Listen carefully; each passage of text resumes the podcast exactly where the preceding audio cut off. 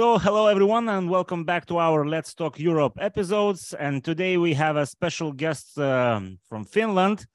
Although the guest is not in Finland today, but still, uh, it's Tim uh, Timo Hellenberg, who is a crisis management and security expert and expert on of of many things, uh, especially what concerns um, Ukraine, Russia, and um, all sorts of defense uh, things. So, hello, Timo. Hello, Edvinas. Great to see you. So, what I really wanted to talk today is uh, I had a chance to translate a Finnish article mm-hmm. uh, who actually has uh, some interesting uh, thoughts uh, of yours. And uh, the article is on what the West should be doing, you know, in, in terms of stopping this war in Ukraine and what they are not doing so uh, one of the um, thoughts that um, caught my attention is that uh, the West is uh, sort of uh, uh, thinking, you know, that uh, Russia is trying to occupy, to conquer Ukraine, but you are pointing out that there is a barbaric, you know, aspect of this, and the main reason for them is basically to destroy a competitor. So, can you expand on what you what you mean that they are um, they are not interested in like uh, uh, keeping anything you know from from the from those territories but basically just uh, pushing the Ruski Mir on onto the uh, neighbor of theirs. Uh, thank you. This was uh, to the point. The russian operation against ukraine which has now lasted more than eight years is based on the historical conceptualization of the of the Ruski Mir, what you described, but it's also based on the Russian uh, ultra orthodox hegemonism, which has been launched uh, in the early 2000 actually. Uh, in the in the autumn 2000, the pro-Putinist uh, forces they launched the policy of the controllable information society. And I happened to be there on spot when, when this uh, initiative was introduced 100 kilometers south from Moscow. So um, now, more than 20 years after, we, we see the results of this uh, Russian ultra-Orthodox hegemonism Timo, uh, when you tell, when you, when you explain it as a hegemonism, like in let's let's say in, in Lithuania, we are yeah. always uh, focusing that it's a Russian imperialism. Like, yes. what is the difference between the, that in, in, in your in your yes. case? Yes, yes, yeah, it, it, it's it's a good question. Um, imperialism is based on the historic uh, interpretation of the of the Russian Empire. So so all too often we hear that. Uh, Russia is seeking the old empire state, statehood, or, or the old borders, which included actually also Finland and, uh, and the Baltic Baltic countries. So uh, this is the all too often this is the mainstream thinking of what what's the Russian perceptuation.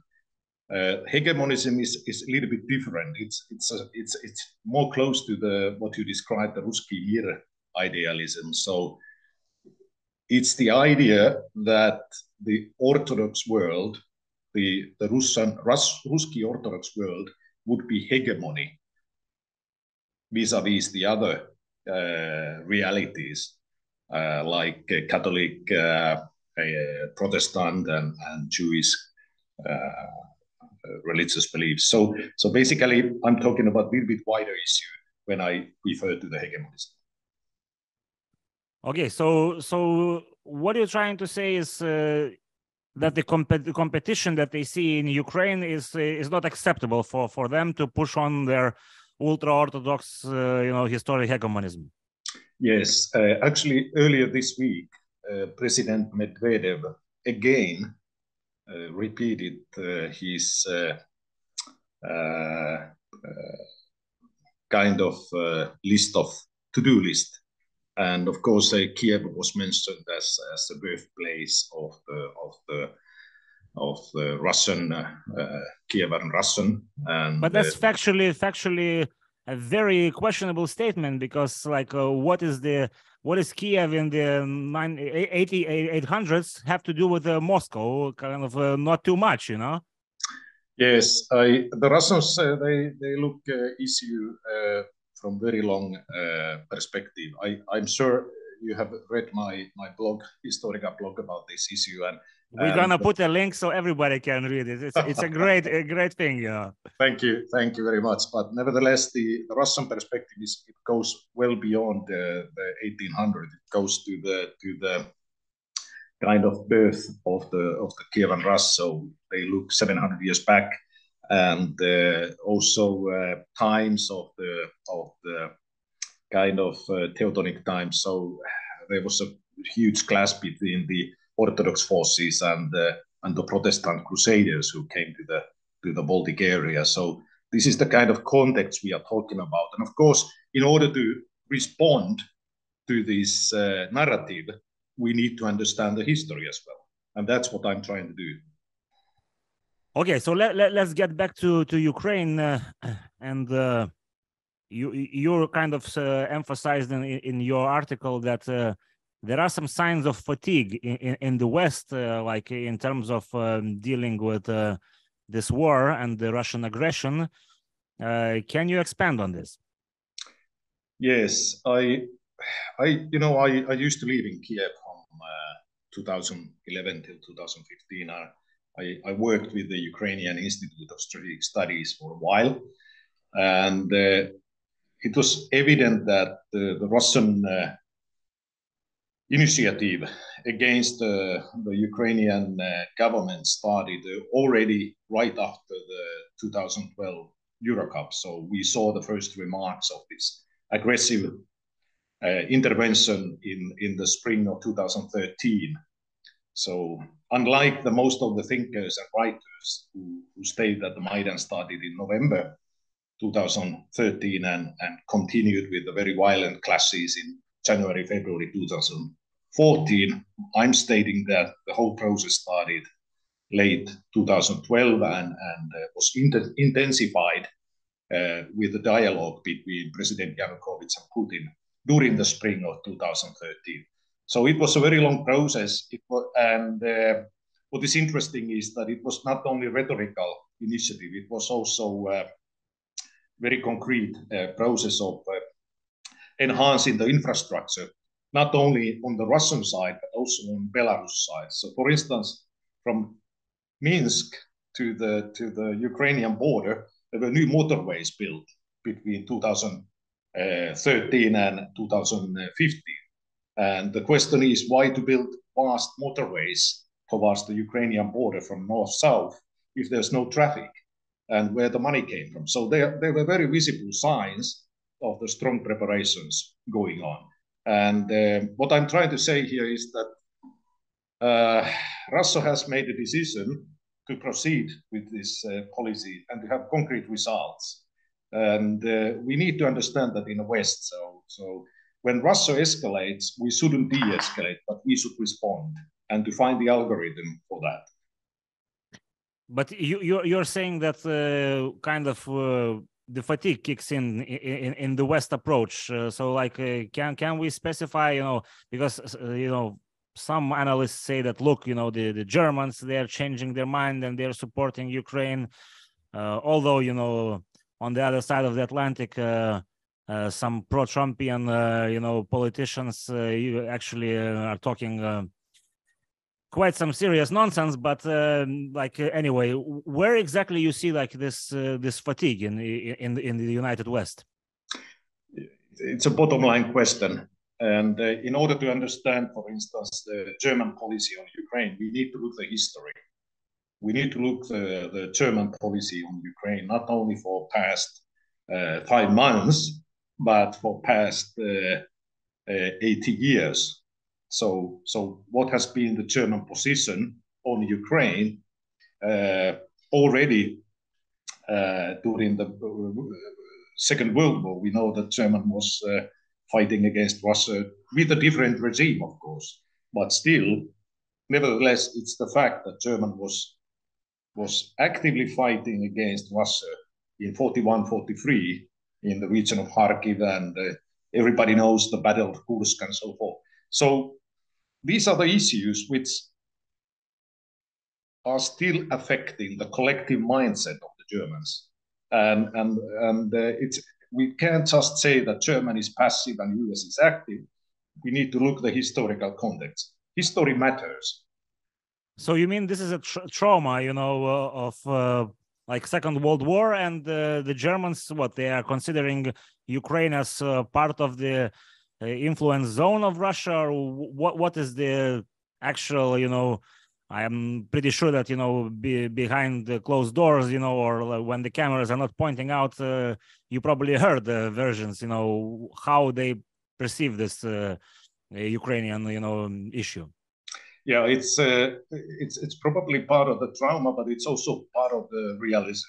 It's called real politics. So Germans understand the, the massive consequences uh, what what the previous uh, uh, intervention and effort caused for the Germans. Germans lost only in the Baltic area, in the area of Lithuania to to Estonia, um, more than thirty thousand men during the Second World War. So the, the losses were massive for the participation and intervention. Although we are talking about completely different regime. Yeah, but but but Timo, they, they should be understand. You know, they should understand that during the Second World War, uh, actually, there would be no Russia, you know, victory if there was no land lease. And we are talking about a land. We'll get to this topic of land lease, but like the land lease that was there from the states to to to to the Soviets, it was uh, actually like a without that russia would be nothing so they, they actually lost you know not to russians they lost to, to the greater powers that were you know supplying yes. Uh, but on the other hand Edvinas, we, we need to look how the germans interpreted this issue. So not not like we do. So of course when we look uh, from finnish point of view we have been uh, from finland we have been a battleground between east and west for what it is past uh, more than 1,000 years. And uh, we know what it takes to stay independent in the so-called borderline between the East and West, and what it takes uh, in terms of sacrifices uh, to defend ourselves. And that is one of the reasons why Finland has not been very eager to join NATO, because we we think we, we should rely on our own strength, our own forces in terms of the crisis. But of course, now the world has changed completely, and, uh, and Finland is seeking the NATO membership. But coming back to the German issue and the West as a whole, so there are different interpretations of this situation. Also, for Germans, it is quite evident that they are worried about economy. They are worried about their supply and security of their energy. Uh, same goes most likely with the French position. Just before war, uh, there was a lot of skepticism about uh, involvement in this in this situation. But uh, you know my thinking, and I have been proposing very concrete steps in the very recently in the Finnish media what to be done. Yeah, so we, we, we can get to that. Uh, so I just want to clarify. So you think that uh, in terms of uh, oil and uh, in gas supply, you think that it's possible to get back to business as usual after all, you know, this in 2022? I don't think there's the way back uh, as we used to have it. So, as we recall the previous steps of the, of the Russian regime, being directly involved in the Maidan, being directly involved in the in the policies of uh, President Yanukovych, being directly involved in the war in Luhansk and Donetsk, between 2015 2022 and and uh, of course not to mention about crimea. So so there's no way back what it used to be. uh, the losses are such a massive scale and the aggression has been stated worldwide uh, at the level of the, of the war crimes so there's no way back we could we used to be uh, with the, with the, with our relations with the russians but on the other hand, you still say that you know the Germans are kind of uh, seeing uh, you know the the economy in terms of you know supply chain. Do, do they see some possibility working here, you know, with with Russia, or you know, the, how would you explain that uh, to the Westerners? Because like. Uh, for the Scandinavians and Baltics, you know, it's usually easy to understand uh, what uh, what are we dealing with, you know. But uh, uh, further west, and especially on the other side of the pond, you know, it's it's quite a different story. It's a bottom line question again, Vinas, and and I think that there's no clear cut answer for that.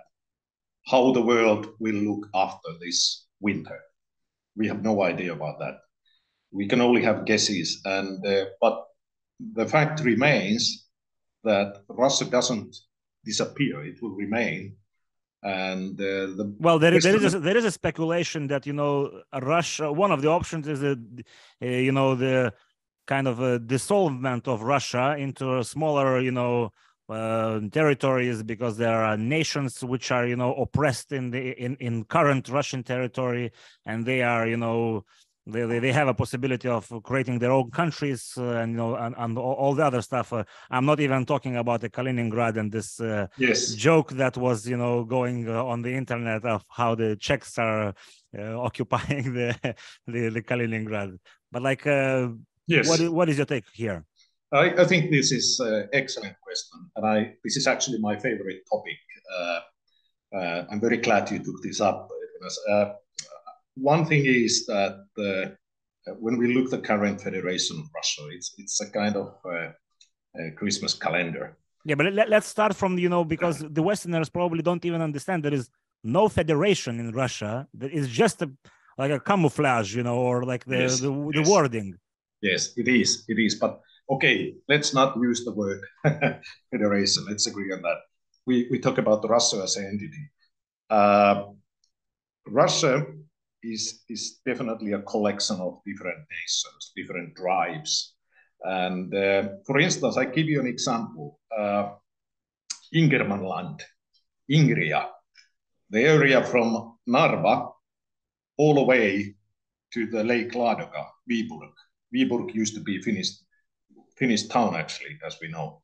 So this land area was called Ingermanland, Ingria, until 1721.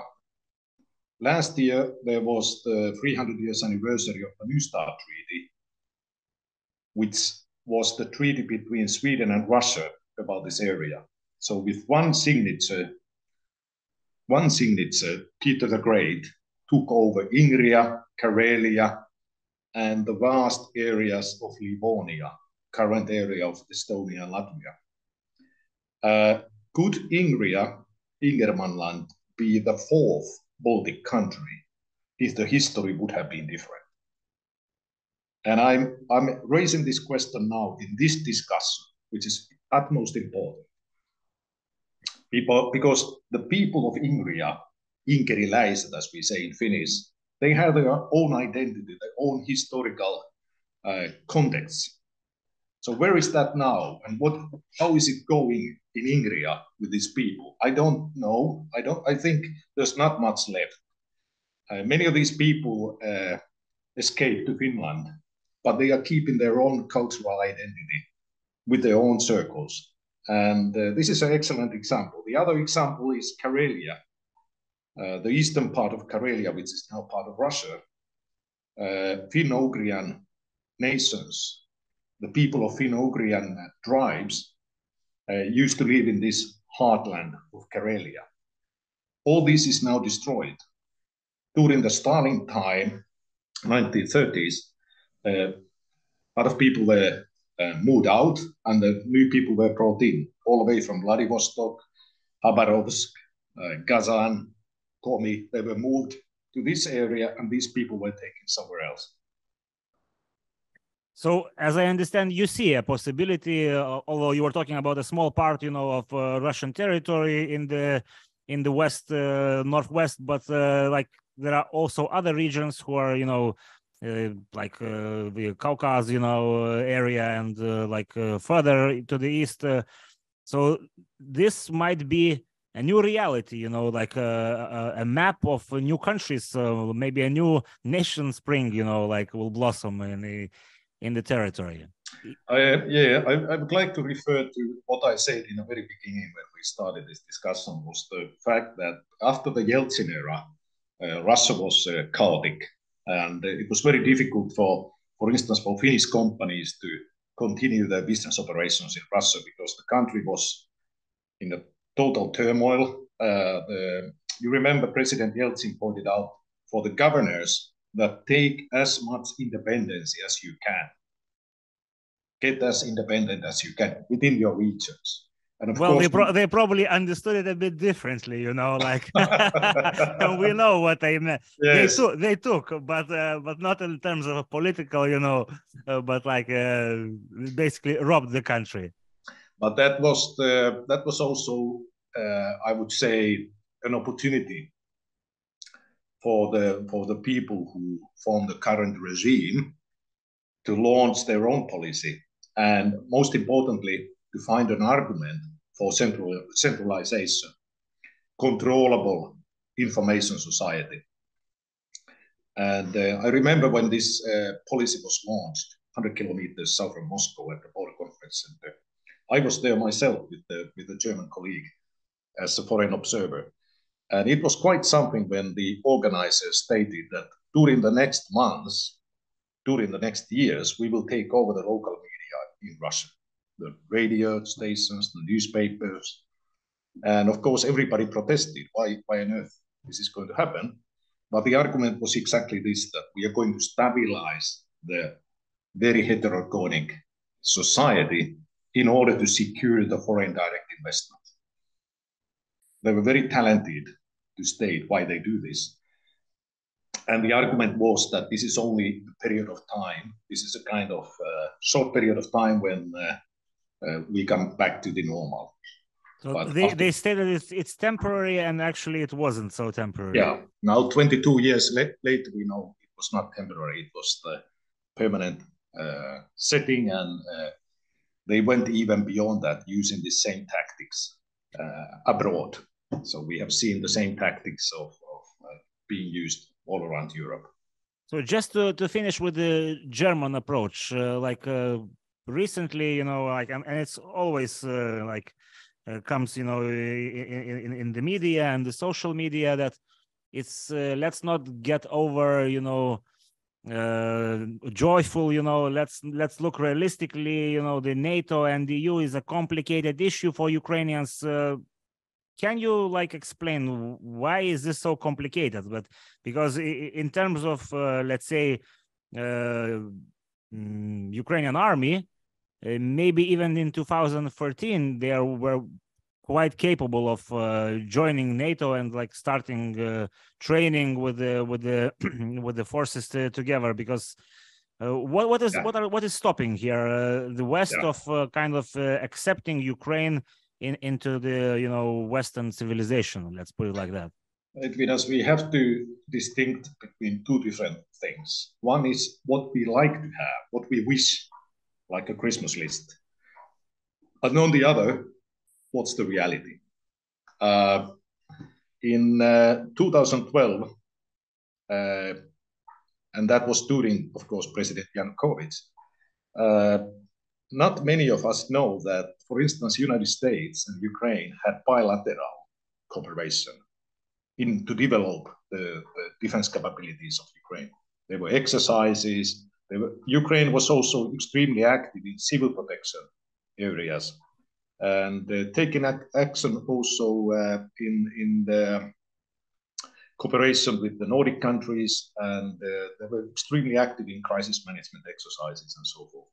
But something happened, and things started to deteriorate. They started to go bad well it's it's quite simple because there were uh, you know quite a lot of russians infiltrated into the government and uh, if i am not mistaken even the defense minister was like a russian citizen at that time of ukraine.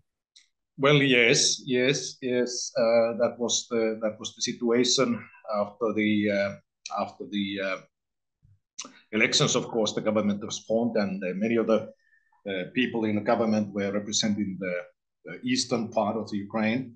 Uh, we know the Ukrainian history also. Country was extremely divided until the the past events which we have been witnessing uh, for past eight years, but particularly the, since the February this year, uh, it was very difficult to unite the country already uh, when it came to the Maidan. So you remember the uh, uh, actions during the Maidan, which I referred earlier. Country was extremely divided, and uh, there was the cultural dividends, there was a religious dividends, there was economic dividends. But Timo, the, the, yeah. if if we look at the polls, let's say uh, when the independence, you know, like how many Ukrainians voted for the independence in, in the 90s. Like, uh, I'm not sure I can find it straight away, you know, in my phone, but uh, basically, this eastern part of Ukraine, they were largely in favor of independent uh, Ukraine. It's true. The biggest problems were was not the will to be independent, but uh, there were there were much much larger problems, and one was the corruption at all levels of the of the society, all levels of the government. Yeah, but this problem we had like all over Eastern Europe. You know, like uh, uh, nobody will kind of. Uh, uh get offended if if we state that like uh, during the 90s uh, the corruption was a problem in baltic states in poland you know or like anywhere like these you know um, Soviet uh, affiliated countries that were, you know, like uh, uh, occupied or, you know, not directly occupied in terms of Poland. So this is this is kind of a that was normal for for for this region of, of Europe. I would like to give you one example.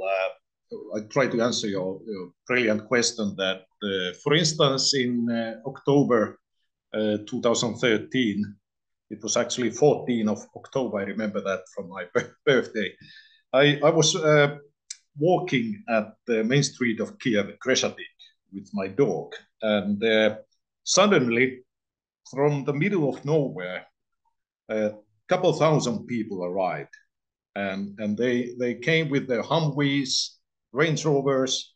They had loudspeakers on the rooftop of the vehicles, and uh, we assume there were close to close to 10,000 people in the city center of Kiev demonstrating. 14 Octo of October 2013. And I asked these guys, what are you demonstrating about? And they said, we are against European Union. And we came from uh, Lviv, from Vinnytsia, Chernihiv, and we are protesting the idea that Ukraine should join the European Union. It was but quite like, amazing. Let, us put in the perspective of the size of the Kiev, and this amount is not big actually. It's it's not big, but uh, now I come to the beef.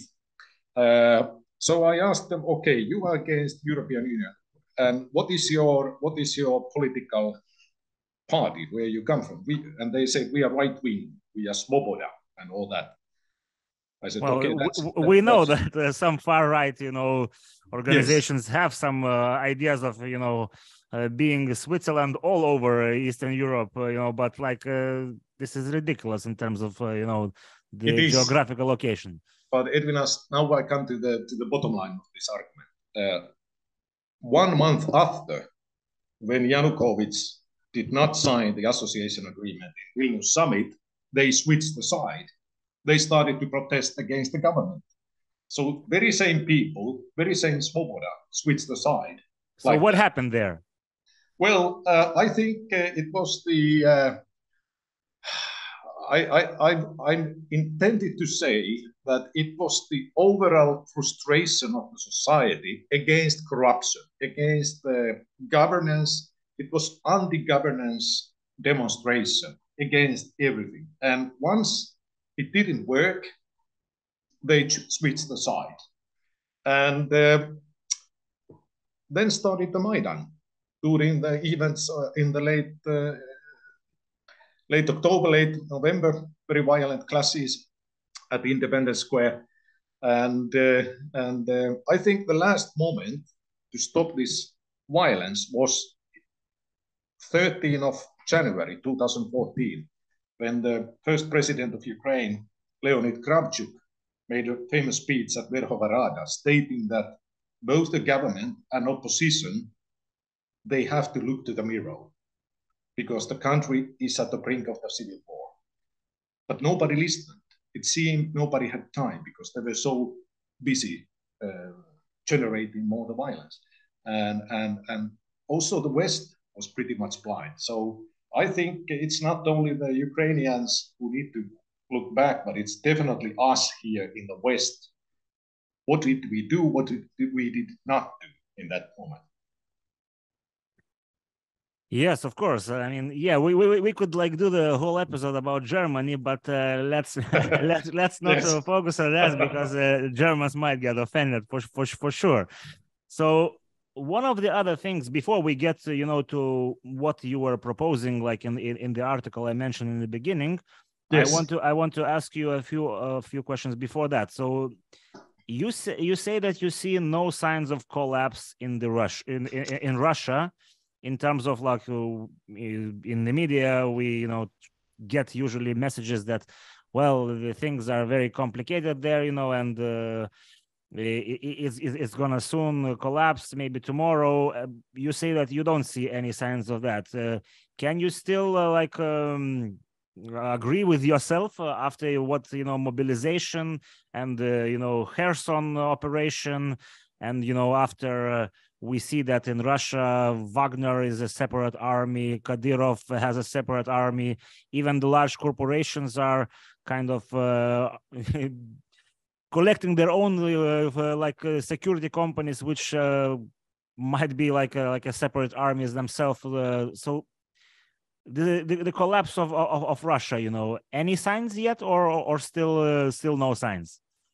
In 2000. 2007, I was uh, requested to uh, evaluate an article from Norwegian Institute of Foreign Affairs. And the title was Towards Post-Putin Russia. And it's pretty long time ago. Uh, th this debate has been going on since uh, end of 2000. So uh, we remember the big clashes in Moscow 2008 there were vast area of demonstrations, and demonstrators were violently arrested by the OMON uh, next to the Kremlin. So um, all this debate that Russia is collapsing and Putin is uh, is sick and he's going to die soon. I don't know what to say. This is uh, well. This. If if we're talking about Putin, he definitely looks a bit different from what he looked like a decade ago. Well, he looks, but uh, as as we can assume, it's not Putin. It's it's it's the collective mindset of the Russians. Uh, Uh, I have read some statistics that 80% of the Russians are supporting this war, and we yeah, know yeah. from all the violent classes that the circle of revenge will feed itself. So when there are people dying, the, the neighbor goes to get involved, and the friends get involved, and and by the end of the day, nobody remembers why we are fighting we just fight to, to have a revenge. And this is something I'm worried about. And, and you mentioned uh, these, these uh, local tribes leaders in Russia. Uh, I wouldn't pay too much attention on that. Who is going to replace whom and whose fraction is going to rise? The bottom line question is our own behavior. And uh, when we look, for instance, the, the missiles which uh, hit the Polish soil, uh, I was pretty surprised about the reactions from the West, because the first reactions was were particularly from the U.S. side that this is not the issue of the NATO, and this is the bilateral issue between Poland and whatever it's Russia or Ukraine, even without any investigation, what's the source and cause. So uh, when it comes to this issue, I think uh, we should focus on our own behavior and uh, particularly having the algorithm. So if there's a strike against the West, any of us, there will be a counter strike. There will be consequences. And if we don't have this algorithm at place, this is only beginning of the of the very long dark period of the history. But obviously, we don't have this algorithm in place at the moment. Yes, we don't have, and that's why I, I was very pleased that you, you were also interested of the historical context, and uh, and I think there's so much to be learned from the times of the of the 1200 until the late 50s. But you know, Timo, they always come back to the, uh, as you say, most important, you know, thing. Uh, uh, Russia is a nuclear country. It wasn't a nuclear country in the 13th century or 19th century. It was easier, you know. Uh, well, that's at But- least what was but- the point they're trying to so what? So what? we Yeah, I- also- I, I totally, I totally agree. But uh, so what? but but Yeah. the Westerners, let, us put it like that, or you know, like especially the the you know uh, American, uh, let's say pro-republican media, they always point out that we, we are on the brink of atomic, you know, war Ah. here and stuff like that. So Ah. that, that that's why I'm bringing this up. yeah, I, I, I, I know you- are very well describing, but but uh, Russia has nuclear weapons, which are most likely more dangerous for themselves than for us, because we know how the Russian maintenance and uh, infrastructure. What is the status of that today? So I would, if I would be Russian, I would be much more worried about their own nuclear weapons than we are at the moment. Well, you know, like uh, the, the the amount of weapons they have. Uh, well, we all should be, you know, concerned and uh, think how to denuclearize Russia as fast as possible. Okay, so you so you were proposing like uh, some ideas what should be done, like in terms of uh, uh, the war in Ukraine and how to stop Russia. So can you can you uh, exp- expand on the on that? Uh, uh, besides weapons, you were saying that uh, there has to be a no-fly zone, and you know Russia has to be kicked out from uh, UN Security Council and maybe UN uh, like in, in general, which is a bit more complicated. Uh, we- we'll talk about UN in a bit as well. So, uh, how do you see those uh, steps Yes. and uh, what should be done? Irvinas, thank you for that. Uh, I I have proposed three very concrete steps to be taken immediately. And uh, the basis of my arguments is that a legitimate government of Ukraine have requested these issues on their own territory. So when the legitimate government elected within democratic elections is requesting assistance on their own territory, I don't see any difficulty. Yeah, but we can get back to the same historical, you know, traumas of Germany and thinking of the West that, you know, uh, Ukraine is something else and doesn't matter what they request, you know, we still are like, it's complicated, you know, or let- let's be realistic, as they say. I have uh, proposed a non-flight zone from uh, from Chernihiv to Mykolaiv, to the western part of Ukraine. Yeah, but you, you you are saying that, that who is gonna like uh, who is gonna you know uh, ensure that there is no fly zone? Obviously, it's not gonna be Ukrainians. So if it's uh, uh, anybody else, uh, you know, it's escalation, as they say. how can it be escalation if this is uh, activity on the soil and the airspace of the of the independent country? How can it be escalation? It would be escalation if we would propose non-flight zone to Ingermanland. I But totally, yeah. I, I totally agree with you, Timo. But we see that even in terms of weapon supply, they are not sending tanks because it's a, it, it could be an escalation. So where is the logic, you know, behind this? Well, I'm only talking on my behalf. So I have proposed the non-flight zone to secure the area for civilian uh, evacuation and civilian uh, livelihood uh, from the point of view of humanity.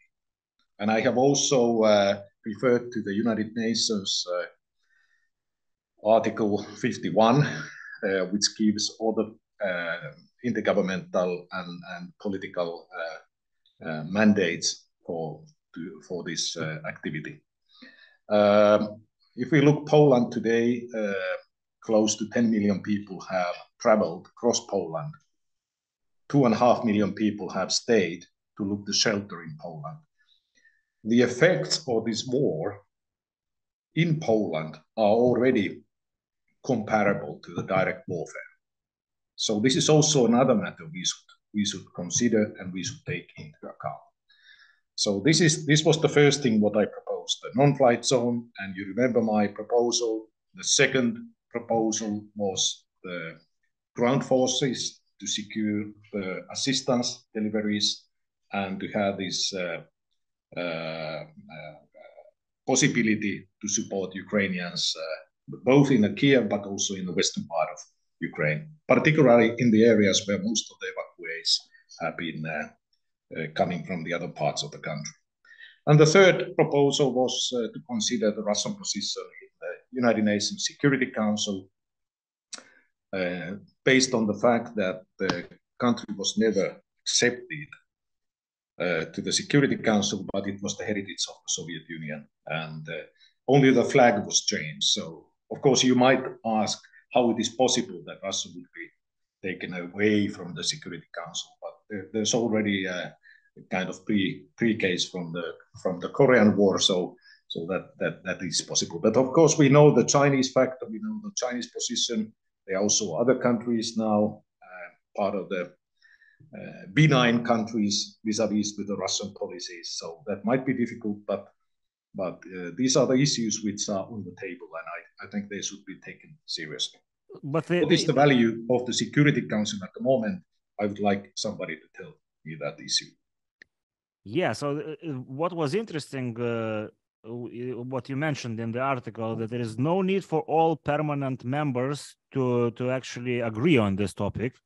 So it's much much well, it's not much, but it's easier to maybe uh, you know get this majority needed uh, from the from the ones that are you know uh, not the permanent ones.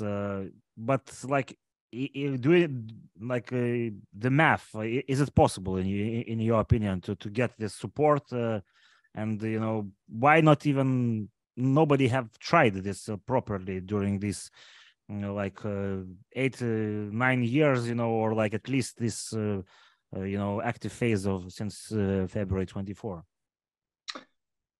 Yeah, there are two arguments when it comes to the proposal regarding the Security Council. The one is that the current uh, state of affairs is not only about Ukraine, this is also about the future of the Security Council. This is also about the functioning of the Security Council and the United Nations as a whole.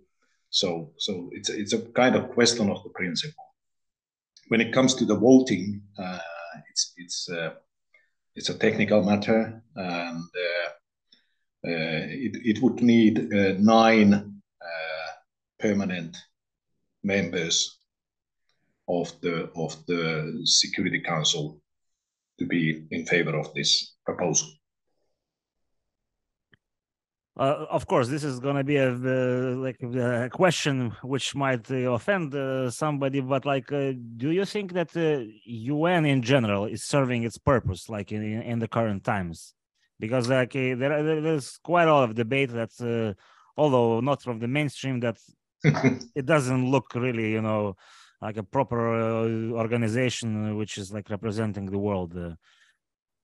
Uh, I, I did my doctoral thesis uh, about United Nations and the functioning of the United Nations long time ago when I was a young guy. And uh, I compared the functioning of the United Nations with the NATO in the crisis management issues. And the result was quite uh, revealing, quite informative. Disappointing, so, you mean?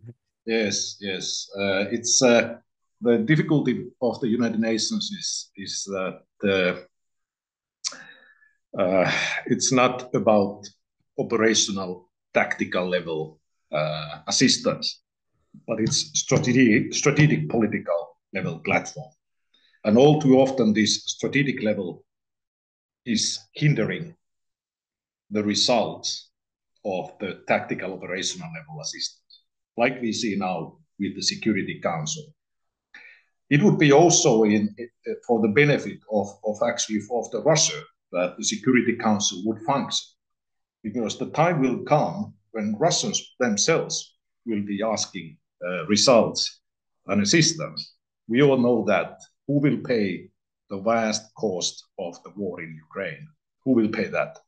So there will be a time when the Russians will be screaming help and asking the functioning of the Security Council. So it would be a common benefit to fix this issue right now and uh, like it or not. Uh, to be honest, I, I heard like uh, an opinion from um, from one of the um, uh, influential influential um, you know uh, let's say, public uh, person uh, that most of you know the listeners know. I'm talking about Alexei Arestovich. That this UN like uh, the the birth of UN is actually like a Christian value, you know, West value organization. And once you add the other cultures, uh, it doesn't function because the rest, uh, well, not the rest, but some parts of the world uh, see the human rights and you know the uh, other rights uh, quite differently so maybe it would be much more uh, you know functional if we would have like three united nations organizations and they would like uh, debate each other you know and like uh, find agreements uh, for the separate uh, regions of the world. What do you think? Uh, actually we have it already. When you look the different organizations within the united nations who undp unesco there's an endless amount of UN organizations which are competing against each other in different parts of the world. They are competing about attention of the donors. They are competing about the uh, lucrative contracts, and uh, there's a competition uh, among the staff. So they are uh, all too often the staff members of these uh, key organizations are nominated from the countries which are the biggest donors. So there's a lot of hassle, a lot of competition already. So I wouldn't be in favor of creating any administrative solutions. We have it already. Uh, rather than that, we would need to uh, simplify the decision making. We, and we should uh, somehow uh, find a rationale between this very complex uh, setting of the intergovernmental and interagency uh, decision making. Yeah, it's probably easier said than done. Okay, so Timo, let's let's uh, move to the last part uh, and uh, what I really liked uh, that you stressed out, you know, in the in the in the article, which is also probably a mystery for um, some of our uh, colleagues that are listening uh, from, you know, United States or even the West Western Europe that Russia believes only in force and response has to be force whenever you know Russia is trying to uh, to do some harm in, in, any any region and always it's always good to remember the Turkey uh, the Erdogan and uh, how he deals with Putin uh, they have uh, like shot down uh, Russian airplanes and nothing happened. They they weren't you know attacked by Russian military directly. Like this is the language that Russia understands, and here we have this lend lease. Um, drama or not even a drama mystery maybe like how many months have passed uh, since you know the, the lend lease got into place. And the us is still supporting ukraine on different bases. Uh, why do you think this the, the, this, this happens? So your question is uh, about heterogeneity of the western support if i got it right well it could be uh, clarified as that yes i i know that uh, you are getting uh, sometimes maybe uh, frustrated about my historical. Uh, no, no, we love we all love history. it's absolutely good. But and I know we have a limited time today, but uh, but nevertheless, I would like to emphasize that in order to understand everything we talk here today, we need to dig into 1,300 years history of both Russia and Ukraine, and to trace back into the beginnings of the same medieval kingdom called Kievan Rus. So this is the starting point in order even to try to understand the functioning of the Western support and the functioning of, of impossibility setting uh, between uh, peace negotiations between Russia and, and Ukraine. So this is this is the starting point.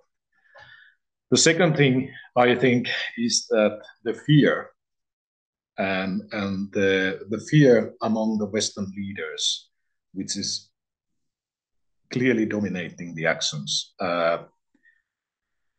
if the similar approach would have been at place during the old times, the times of the uh, Livonian Confederation, Livonian War, as we all know that, that part of the history, Ivan the Terrible and so forth. I wonder, I wonder if you and me would be here talking about the future of not only Ukraine, but also the future of the Baltic countries. So this is the starting point. And uh, in order to find concrete outcome, solid outcome for this devastating warfare, we need to look our own actions and we need to go to the mindset of our own leaders rather than focusing what's happening in Russia. That's something we, we cannot influence. That's something we cannot uh, have a direct impact on at the moment. But instead of that, we can influence our own setting. And, and for that reason, I have proposed these three things to be taken. One was the non-flight zone to secure the assistance of the Ukrainian civilians in the Ukrainian territory, which is not in the direct warfare zone, by the way. The second thing was the ground clearance. So that means the secured ground corridor all the way from Lviv to Kiev. So to have secured ground corridor uh, secured by the by the international coalition. And the third thing was the issue of Security Council to have a rational, rationalistic viewpoint on the functioning of the Security Council and to, and to make uh, make uh, this uh, initiative to launch the initiative to rationalize it as it should be, and that would be paradoxically also for the benefit of the Russians in the long term. So these three things I put to the table today.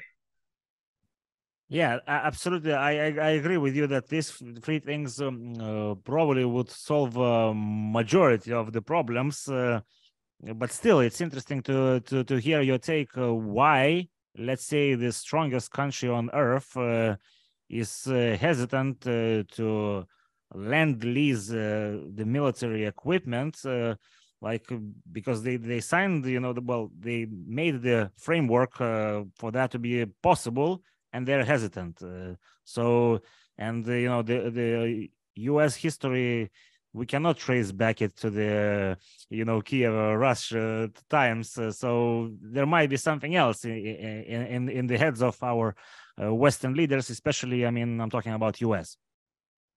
Yes, we have elections coming in our democratic world, democratic countries. Uh, we have elections coming in the United United States. Uh, we have we there was just elections. Uh, uh, we have elections coming in in Finland as well, and and luckily we have the system which functions, and nobody is so unique that couldn't be replaced. But but Timo, but Timo, if if looking at the elections that just happened in the United States, well, we could put an argument that the support of Ukraine military support of Ukraine did not uh, sink uh, Democrats, you know, in the election. So they should be more brave after, you know, after this midterm. Yes, yes, I, I very much uh, focus on that as well, and I would like to pay attention on that. But rather than that, I would also like to focus on the Baltic Sea region. So whatever Finland and Sweden will turn NATO, and whatever uh, there will be a peace uh, solution in the foreseeable future between the Ukraine and Russia, we still need to consider and we need to fix the regional security structure at the Baltic Sea. Uh, um, I think one of the issues what we have learned from the war in Ukraine during the past eight years is that uh, it's all about our own defense. It's all about the, our regional resilience when it comes to the big confrontation between the East and West. And uh, again, I'm, I'm referring to the history that, uh, for instance, the, the, the, times of the 1500, 1501, uh, when the all-out war broke between uh, Moscow Grand Duchy of Lithuania. Uh, there was the time when uh, uh, Ivan, Ivan, the leader of the Russian uh, forces, started to harass the Hanseatic trade at the Baltic Sea, and uh, also uh, the Livonian confederation was squeezed heavily. Um, that was the time when both Lithuania and, and the northern Livonia, the two statehood in the region, uh, were aggressively attacked by the by both the both the Pskov and, and the Moscow and, and Novgorod. So that was a time when there was a decisive leadership in the region within the Livonian order, the Grand Master of Walter Plettenberg, which I referred quite recently. And there was the counteraction. There was a counteraction, there was a counter force against the force. And like it or not, this is the way it works. And, and if the other side escalates and the other side de escalates, we know from the basic mathematics how it goes. All right, Timo. So I'm pretty sure that everybody who listened carefully uh, got uh, plenty of, you know, um, uh, for, food for thoughts. You know, it, it, was a pleasure, and I'm pretty sure that uh, we're gonna ask you to, you know, do a second episode uh, at some uh, foreseeable future. So, Timo, it was a pleasure. Thank you so much. Thank you. Thank you. Thanks everyone who were watching. Uh, please subscribe who is not a subscriber of, of ours, uh, you know, at uh, Let's Talk Europe uh, YouTube channel. And uh, see you in the next episode.